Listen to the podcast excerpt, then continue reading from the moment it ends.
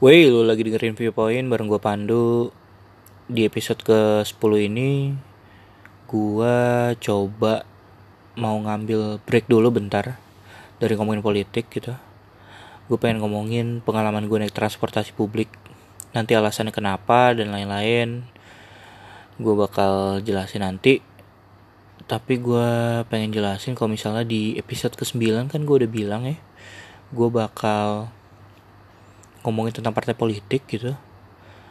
Pemilu 2019 ini kan diikuti setahu gue tuh sekitar kalau nggak salah 14 sampai 16 16 16 parpol nasional gitu yang bertarung di itu di pemilu 2019 dan gue pengen ngomongin partai-partai mana aja yang sekiranya lolos di atau dipastikan lolos gitu parliamentary threshold ya dan mana partai-partai yang sekiranya berada di wilayah abu-abu dan mana partai-partai yang sekiranya ya udah cuma pengembira aja gitu. Cuma sekedar tim hore gitu.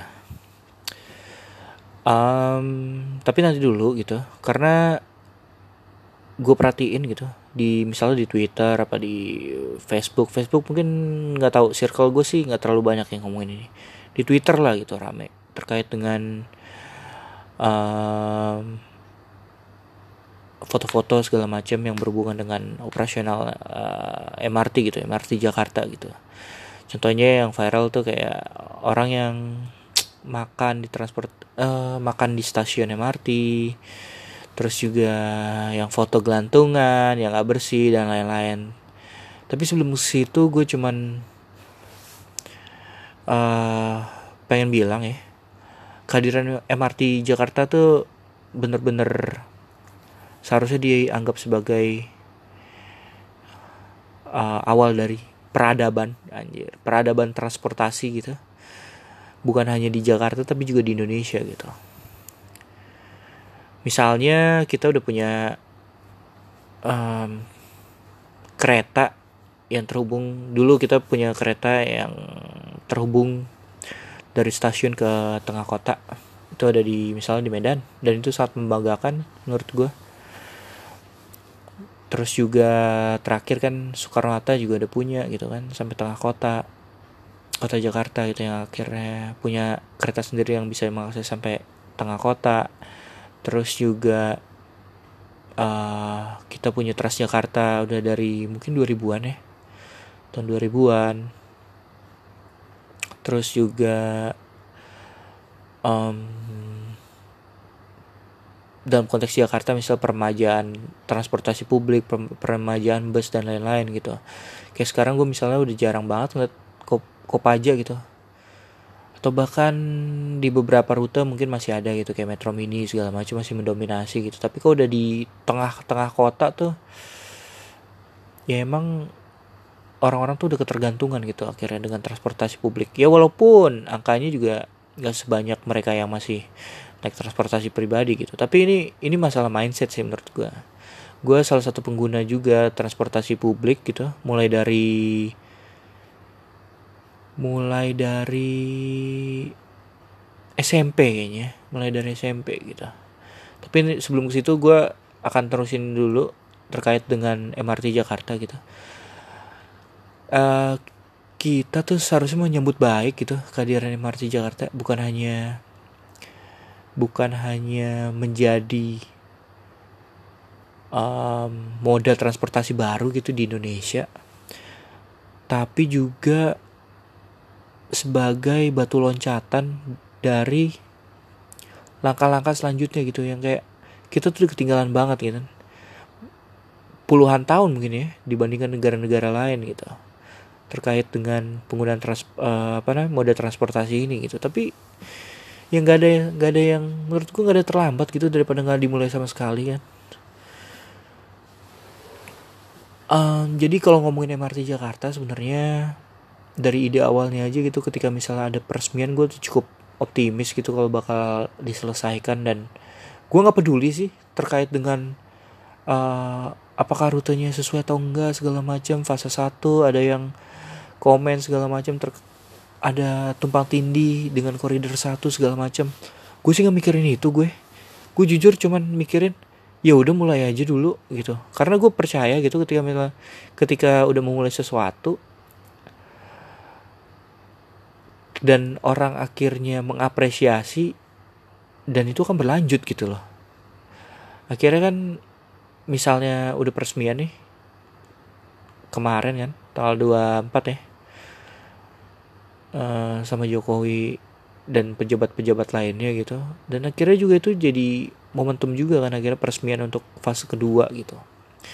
Ya nanti uh, akan melanjutkan dari Bundaran HI sampai kota tua gitu. Orang mungkin akan bertanya kan ada ada KRL eh ada KRL juga gitu ya misalnya sampai kota. Ada juga Transjakarta. Eh, gue cuma mau ngelihat transportasi publik itu ya sesuatu yang penting gitu dan emang harus disediakan oleh negara gitu. Jadi ketika misal negara pengen memfasilitasi itu ya udah kita dukung aja gitu. Karena ketika misalnya di fase pertama ini bisa diselesaikan dan bisa dinikmati dan dibangga-banggakan sama orang-orang misalnya warga Jakarta misalnya ya udah gitu tinggal kita nikmatin aja tinggal kita kawal gitu. Ya bahkan ada wacana untuk fase ketiga dan fase keempat dan gue sih mendukung mendukung aja gitu. Sebuah peradaban baru tuh kadang kenapa harus dipertentangin gitu? Apalagi ini terkait dengan tanggung jawab negara untuk memfasilitasi itu. Pertama terkait dengan beban uh, jalan di Jakarta dengan volume kendaraan yang udah nggak sesuai lagi gitu di Jakarta aja orang yang komut itu puluhan juta setiap harinya kan? Mungkin bisa dalam hari kerja misalnya udah puluhan juta gitu. Ditambah lagi misalnya um, mobil gitu kita bicara mobil. Di Jakarta tuh ada berapa sih? Ini kalau nggak salah ini data BPS Jakarta ya. Tahun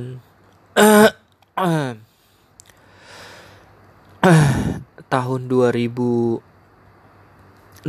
misalnya. Kalau misalnya pengguna transportasi atau pengguna mobil pribadi deh. Pengguna mobil pribadi itu yang terdaftar ya tahun 2016 itu berjumlah 3,5 juta gitu. Ini untuk untuk mobil yang penumpang yang terdaftar di Jakarta gitu. Sedangkan untuk kendaraan roda 2 itu 13,5 juta. Lu bisa bayangin gitu kalau misalnya tiap hari. Ini data BPS ya tahun 2016 gitu. Dan menurut data itu juga gitu 72,85% orang komuter menggunakan kendaraan pribadi gitu dan hanya cuma sekitar 15% aja orang menggunakan transportasi publik itu sebagai uh, apa ya sebagai pilihan transportasi buat mereka gitu. Pertama kenapa transportasi publik itu penting dan kita harus uh, mengapresiasi gitu? Uh, kehadiran MRT Jakarta. Pertama terkait dengan tadi gue disampaikan terkait beban jalan dan lain-lain gitu macet segala macam tingkat stres tinggi polusi yang gila-gilaan. Sedangkan di Jakarta itu kita belum bisa memenuhi gitu ya. Jakarta belum bisa memenuhi ruang terbuka hijau yang dicanangkan bukan dicanangkan ya amanat undang-undang mungkin ya. Sekitar 30% di Jakarta masih 9,9% ini data data tahun uh, ntar lo data tahun berapa ya? Sekitar 2016an juga lah. Baru-baru inilah pokoknya.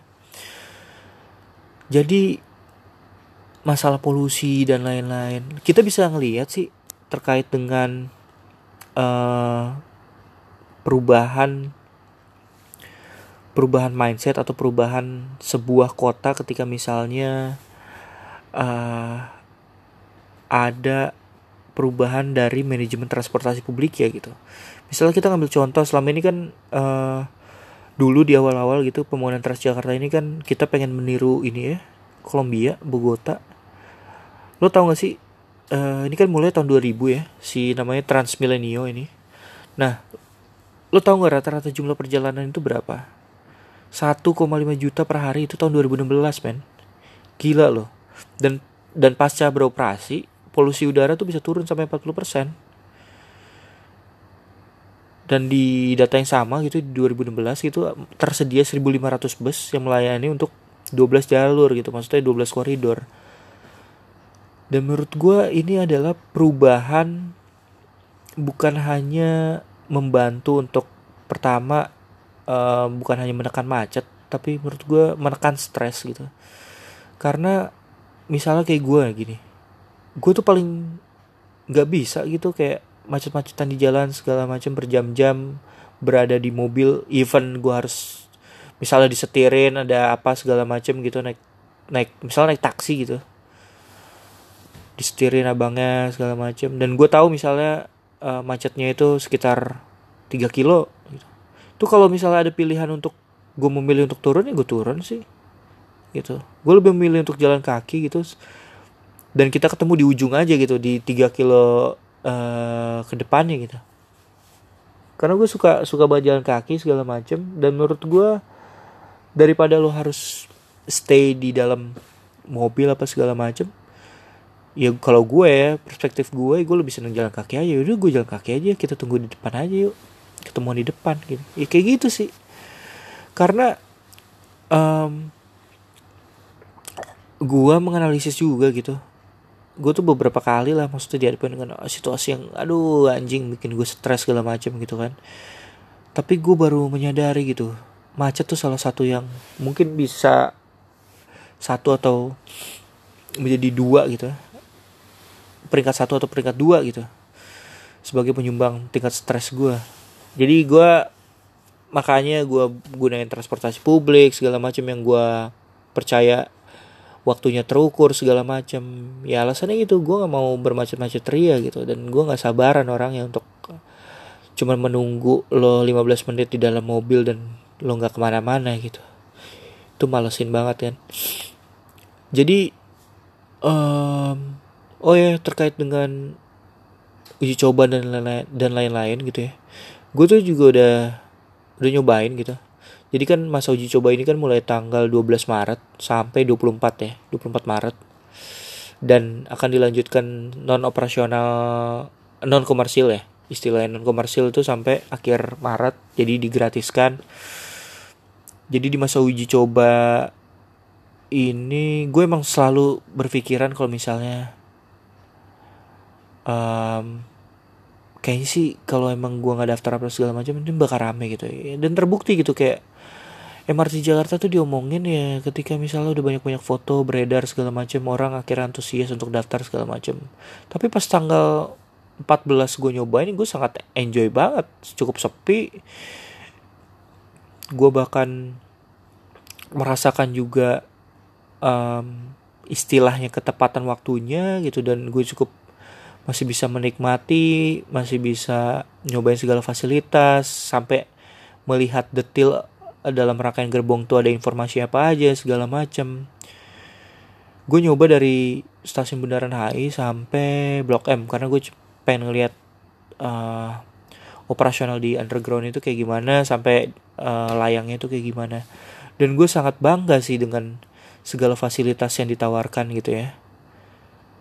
Di saat uh, apa namanya karena karena kan akhir-akhir ini gitu di uji coba tanggal uji coba terakhir ini kan mulai udah orang ramai segala macem justru akhirnya nggak bisa menikmati gitu. Tapi ketika pas masih belum rame ya gue menikmati banget gitu. Sampai gue uh, ngelihat juga fasilitas toiletnya tuh kayak gimana sih kebersihannya kayak gimana dan lain-lain. Gue lihat juga gitu.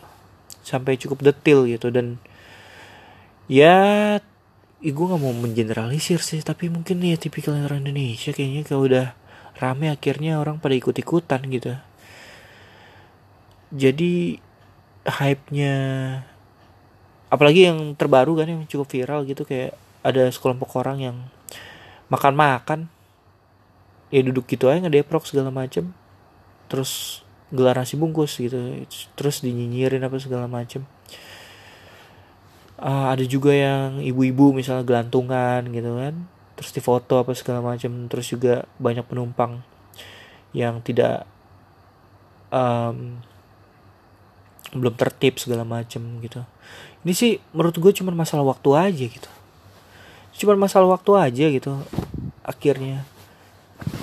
Kalau misalnya ada sesuatu yang menurut gue salah ya tegur aja gitu. Dan terkait dengan mindset ini menurut gue itu udah ada dari pengguna KRL ya komuter lain ya. Misalnya uh, gue jarang banget gitu nemuin.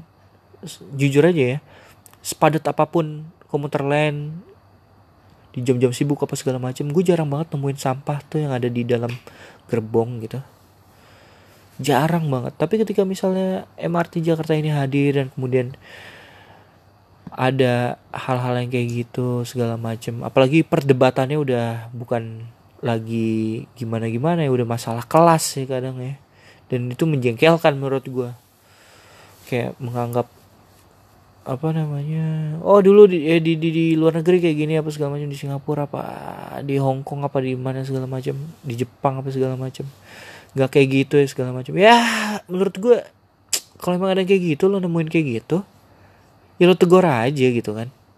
Karena emang aturannya mengharuskan untuk bersih gitu untuk tidak membuang sampah sembarangan tidak boleh makanan minum di gerbong setahu gue kayak gitu terus juga hal-hal lainnya. Jadi kalau misalnya ada di masa uji coba ini ada yang masih kayak gitu ya tegur aja gitu menurut gue ketika misal mulai udah ditegur dan kayak gitu ya seharusnya akhirnya um, gini gini lo gue tuh termasuk orang yang mengikuti um, transportasi eh bukan transportasi tapi transformasi ya. Transformasi kereta api Indonesia gitu. Gue merasakan betul gue sebagai pengguna ketika misalnya Pak Jonan masih di sebagai dirut KAI gitu bagaimana transformasi yang beliau jalankan itu menurut gue gokil banget sampai bisa merubah mengubah gitu ya. Bukan merubah ya mengubah mengubah pandangan orang terhadap ya kereta gitu gue tuh um, ini ini ini masalah ini ya. Gue pengen ngomongin pengalaman gue ya. Gue naik transportasi umum tuh dari dari SMP gue gunain angkot apa segala macam apakah nyaman? Ya enggak gitu. Karena saat itu ya cuman itu gitu. Jadi lo nggak bisa memilih gitu kalau misal ada yang nyaman lagi mungkin zaman sekarang orang daripada naik angkot yang lebih baik lebih baik milih naik ojek online kan? Apakah itu disalahkan? Ya enggak lah. Ada sesuatu yang lebih cepat ada pendekatan teknologi dan lain-lain yang memudahkan ya itulah dia unsur disruptif dari startup gitu kan? Dari perusahaan-perusahaan teknologi ini kan? Dan gak ada salahnya juga dengan dengan dengan itu gitu. Dan sifat naluriah manusia menurut gue kalau ada yang lebih nyaman apa segala macam ya bakal bakal dipilih gitu. Karena misalnya saat itu misalnya di SMP itu angkot cuma jadi satu, salah satunya pilihan gitu. Kadang gue dianterin sekolah karena bokap bareng sama bokap kan bareng sama bokap kerja segala macam. Tapi ketika pulang ya gue naik naik angkot gue naik eh gue gak tahu apakah ini relate gitu. Naik tiga tiga perapat gitu. Ya gue naik gitu transportasi publik gitu. Apakah nyaman? Ya saat itu ya nggak ada pilihan lain ya. Menurut gue ya udah kita terima aja gitu. Terus juga sekolah gitu misalnya gue sekolah SMK gue di, di daerah dan Mogot gitu. Gue pengguna bus pengguna bus jati loh selama tiga tahun gitu. Walaupun kadang sesekali gue naik motor untuk kejar waktu gue gunain itu gitu loh. Naik bus segala macam. Termasuk anak-anak sekolah lah ya kan. Ketika misalnya ada pemeriksaan dan lain-lain dia harus turun dulu untuk nggak bayar full. Terus ketika udah selesai penghitungan dia naik lagi. Gue inget banget kok itu tahun 2000 antara tahun 2007 sampai 2010 ya gua dari Bekasi sampai Grogol eh sampai Grogol sampai dan Mogot tuh cuma 2000 cuy. Naik bus pelajar. Gila menurut gue itu murah banget kan? Apakah nyaman gak nyaman? Ya nyaman gak nyaman gitu kan. Tapi itu ya salah satu yang bisa jadikan alternatif kan? Artinya ketika misalnya sekarang gitu. Oh ya gue gue kan ngomongin lagi. Belum selesai kayak misalnya terus juga kuliah gitu. Gue gue pengguna aktif juga kereta kan kereta api Indonesia gitu. Kereta jarak jauh. Uh, eh, gue ngelihat banget gitu gimana transformasi KI kayak misalnya gue gue punya bukunya Jonan dalam hal membenahi uh, eh, KI gitu. Ini masalah banyak hal gitu ya. Mengubah budaya masyarakat Indonesia gitu. Untuk menikmati fasilitas publik yang bukan hanya nyaman tapi aman juga dan tepat waktu dan lain-lain. Dan kayak misalnya di 2010 gue inget banget gitu ketika misalnya untuk jarak jauh mata remaja lo bayangin ya kan bangku 23 itu dijual tiket diri lo bayangin cuy. Dan itu gue rasakan kok nggak salah itu sampai perubahannya itu kok nggak salah nggak lama deh. Di 2011 itu akhirnya 2011 atau 2012 gitu mata remaja tuh udah dijual eh, nggak uh, ngejual tiket diri gitu. Gua pernah ngalamin banget ketika misalnya itu kok nggak salah di mau lebaran atau segala macem gitu. Jadi setelah pas masih puasa gue pengen balik pengen balik Jakarta ke Bekasi gue naik motor remaja itu itu masa-masa belum ini ya belum belum ada perubahan di kereta api dan atau sedang melakukan gitu ya. Itu masih dijual segala macam. Itu sangat tidak nyaman banget gila. Bukan hanya pedagang yang masuk segala macam tapi juga orang-orang pada tidur di tengah jalan apa segala. Orang jadi pengen ke toilet itu susah banget. Dan bahkan ya di saat itu juga di toilet ada orang gitu. Gila menurut gue sampai akhirnya proses transformasi itu berjalan ya kan? Awalnya pedagang pedagang dalam tanda kutip tidak boleh lagi naik kereta tidak diperbolehkan naik kereta stasiun steril tiket yang dijual juga sesuai dengan tempat duduk, kereta ber AC, juga banyak kereta-kereta baru, tepat waktu, sampai sekarang udah uh, kayak pesawat tuh udah kayak boarding apa segala macam, eh boarding apa? Uh, ya udah kayak gitu loh whatever gitu jadi gue merasakan betul gitu kayak kalau misalnya ada transportasi publik yang nyaman gitu terus kenapa ada juga gitu suara-suara suara-suara aneh yang akhirnya ngomongin yang receh-receh gitu ya kan. aduh gitu kayak aduh MRT Jakarta dikritik karena gini gini gini gini gini. Lo belum pernah ngerasain aja gitu. Lo sebagai pengguna transportasi publik itu kayak gimana ketika berada dalam kondisi yang emang gak punya pilihan gitu dan kita ketika ada dan lain-lain dan lo mengharapkan langsung terjadi uh, perubahan budaya yang cukup radikal gitu. Dan itu nggak mungkin dan itu akan bertahap gitu kan. Karena kayak misal sekarang gue kerja naik komuter lain apa segala macam ya itu gue menikmati betul gitu apa yang di apa transfer transformasi yang dilakukan KAI gitu dan kemudian misalnya uh, komuter lain ini terpisah ya. Kok nggak salah jadi anak perusahaan sendiri mungkin ya. Anak perusahaan atau apalah intinya. Bukan di bawah PT KAI Indonesia gitu. Jadi PT komuter Jabodetabek apa ya kok nggak salah. Ya, intinya gitulah. Menurut gue kalau ada sesuatu yang positif dan lain-lain ya kita dukung aja gitu. Kita dukung aja uh, kayak misalnya uh, terus juga mengharapkan semua berubah dengan cepat dan lain-lain yang enggak gitu. Lo bisa lo bisa searching gitu kayak misalnya dulu misalnya um, ada tuh di Twitter kan ada sempet yang kayak untuk melakukan perubahan budaya dan lain-lain itu butuh waktu gitu loh. Ya bahkan dia juga orang ini nih gue lupa siapa namanya nge-share juga berita kalau misalnya dulu pas awal pas awal-awal ada lift di Singapura pun ya orang sen senora itu gitu. Jadi ini masalah masalah namanya ada sebuah perubahan budaya baru dan lain-lain. Ya kalau misalnya ada, ada ketidaksesuaiannya lo tegur aja gitu. Bukan malah lo bicara bicara kelas di situ. Oh eh dulu kalau misal di Singapura apa Jepang segala macam kayak gini gini gini. Akhirnya ngomongin kelas kan di situ. Menurut gue kalau ada yang kayak gitu gitu tegur aja. Apakah kita salah menegur? Yang enggak kalau emang aturan kayak gitu ya tegur. Di komuter lain juga gitu sama gitu loh. Ketika misalnya uh, ada orang yang tidak sesuai atau tidak diperuntukkan untuk misalnya duduk di prioritas dan ada yang membutuhkan untuk duduk di situ ya orang akan negor dengan sendirinya karena ada perubahan budaya gitu. Budaya itu udah udah menjadi sehari-hari gitu.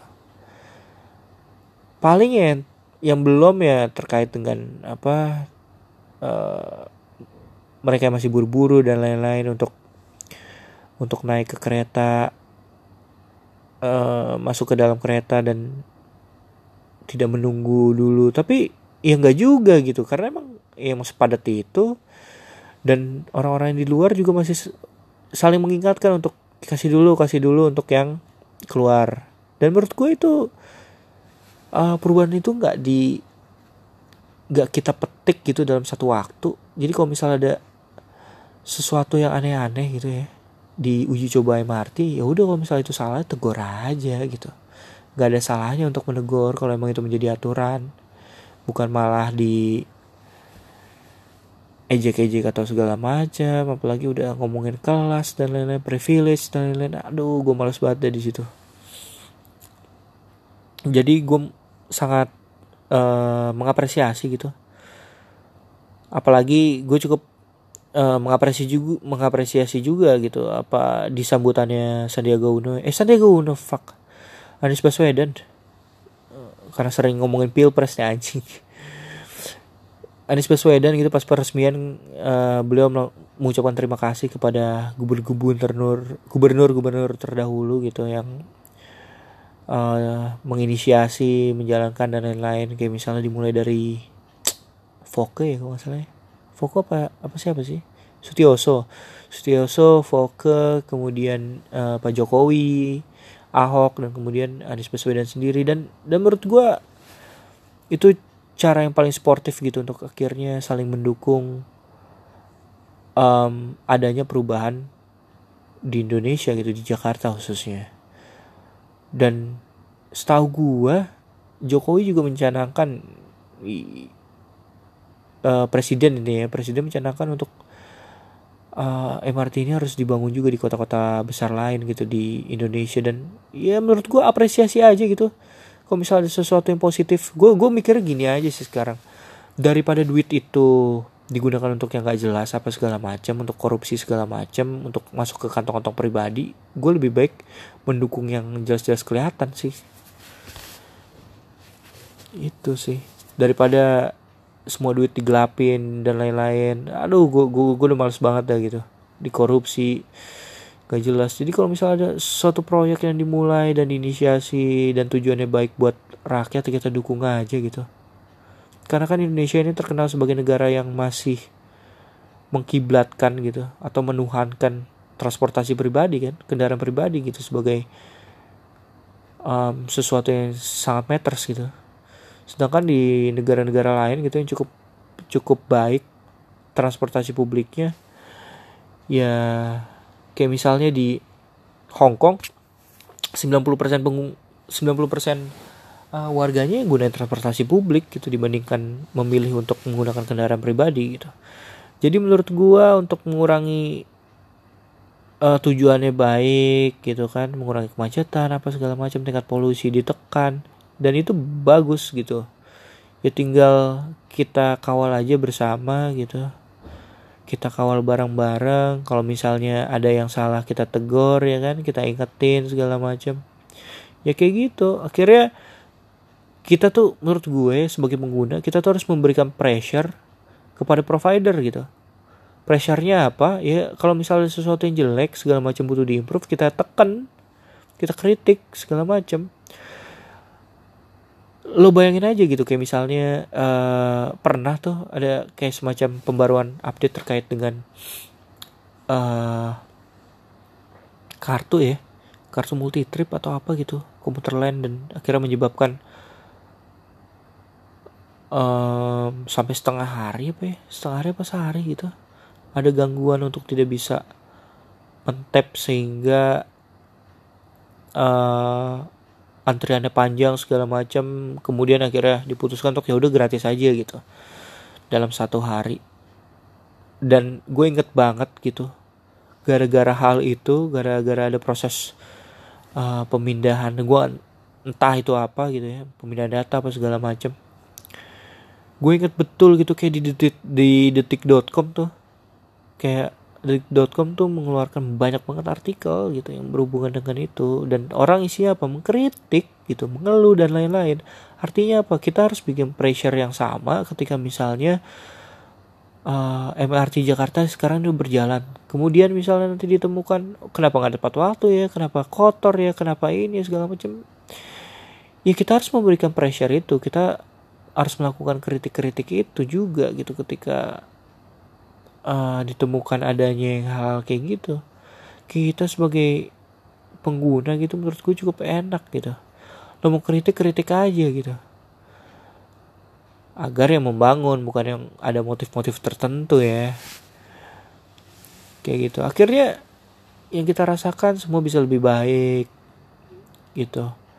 Tuntutan masyarakat tinggi dan lain-lain kalau nggak bisa adapt itu dampaknya kayak gimana gue nggak tahu data terakhir uh, pengguna ojek online atau uh, supir supir apa ya bahasa driver ya? Driver ojek online itu di Jakarta udah menyentuh angka berapa?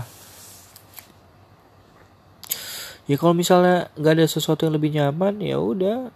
Zaman sekarang kemajuan teknologi segala macam ya startup aja. Ya gojek aja ya grab aja. Apakah disalahkan unsur-unsur disrupt maksudnya startup-startup disruptif disruptif ini.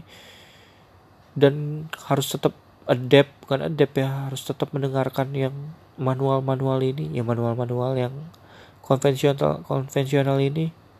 Ya menurut gue ya ya ojek online ini udah memberikan pressure kepada mereka gitu misalnya tingkat pelayanan emang harus dikembangin jumlah penonton yang turun dan lain-lain gitu. Dan menurut gue um, itu sih yang harus dilakukan oleh uh, nanti nih MRT Jakarta pengguna MRT Jakarta. Ya otomatis gitu jaga kebersihan itu udah pasti dan lain-lain tertib antri dan lain-lain. Dan menurut gue uh, perubahan budaya ini akan dengan mudah gitu akan akan terjadi ketika misalnya kita saling mengingatkan aja gitu. Misalnya jam buang sampah atau meninggalkan sampah dan di, ditemukan misalnya sebelah kita melakukan itu kita tegur aja gitu. Gak ada yang salah sama sekali. Dan gue ya mengapresiasi ketika misalnya harus ada fase 2, fase berapa segala macam gitu. Karena Jakarta udah cukup parah gitu. Cukup parah udah gak layak banget segala macam um, jadi itu kalau misalnya di Bogota aja bisa ya kan? Misalnya di Guangzhou bisa. Ini ini ini ngomongin ini ya uh, transportasi publik khususnya misalnya uh, bus rap, uh, rapid transit ya BRT kayak gitu. Uh, untuk yang di Guangzhou misalnya beroperasi sejak tahun 2010 total penumpangnya itu 800 ribu per hari itu data tahun 2016 ya dan menurut gua PR yang harus dikerjakan misalnya untuk di dalam konteks Jakarta itu antar transportasi umum itu harus ngobrol sih. Antar jenis transportasi atau moda transportasi itu harus ngobrol gitu. CEO-nya harus ngobrol untuk tahu atau gimana caranya untuk uh, dalam hal apa ya? Mungkin integrasi gitu ya artinya ketika misalnya gue pengen naik MRT dan gue pengen naik KRL nah itu naik komuter lain ya itu jelas gitu. Gue harus ke mana? Bukan tanya dulu di Twitter kan woi guys gue gini gini gini gini. Gimana caranya segala macam ya kan? Um, itu terkait dengan tadi gue udah singgung terkait dengan adanya penekanan terhadap polusi udara kalau misalnya kita uh, menggunakan transportasi publik gitu. Terus juga angka kecelakaan pasti otomatis uh, melemah gitu kan. Atau melemah atau berkurang bahasanya. Akan berkurang. Jadi ya antar provider harus ngobrol. Misal Transjakarta harus ngobrol sama MRT Jakarta terus juga misalnya nanti ada LRT ada komuter lain semua harus ngobrol gimana caranya untuk memajukan kota bukan hanya memajukan kota tapi memberikan warna terhadap peradaban yang baru di dunia transportasi. Ya mungkin um, itu dulu dari gue. Kalau misalnya nanti ada lo menemukan part-part yang kira-kira lo ngomong apaan sih? Ya berarti gue lagi ngantuk aja itu karena gue tag sekitar jam berapa nih anjing? Jam 2 jam 2 pagi. Gokil sih. Uh, ya udah menurut gue sementara itu dulu kita harus apresiasi. Kita harus kalau misalnya nanti udah jadi pengguna kita kritik. Kita harus menekan provider untuk memberikan fasilitas yang terbaik. Kalau misalnya antar sesama pengguna ada yang belum tertib ya kita tegur aja sih. Menurut gue itu dan jangan ngomongin kelas karena ngomongin kelas itu cukup SJW aja. Ya udah dari gua bye bye